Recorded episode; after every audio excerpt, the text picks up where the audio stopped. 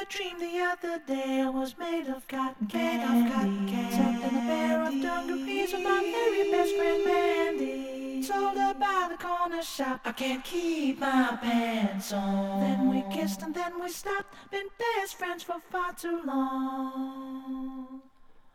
My friend Jack, so full of shit, shaves his chin three times a week. And once he failed, Miss Martin slits right through her blouse.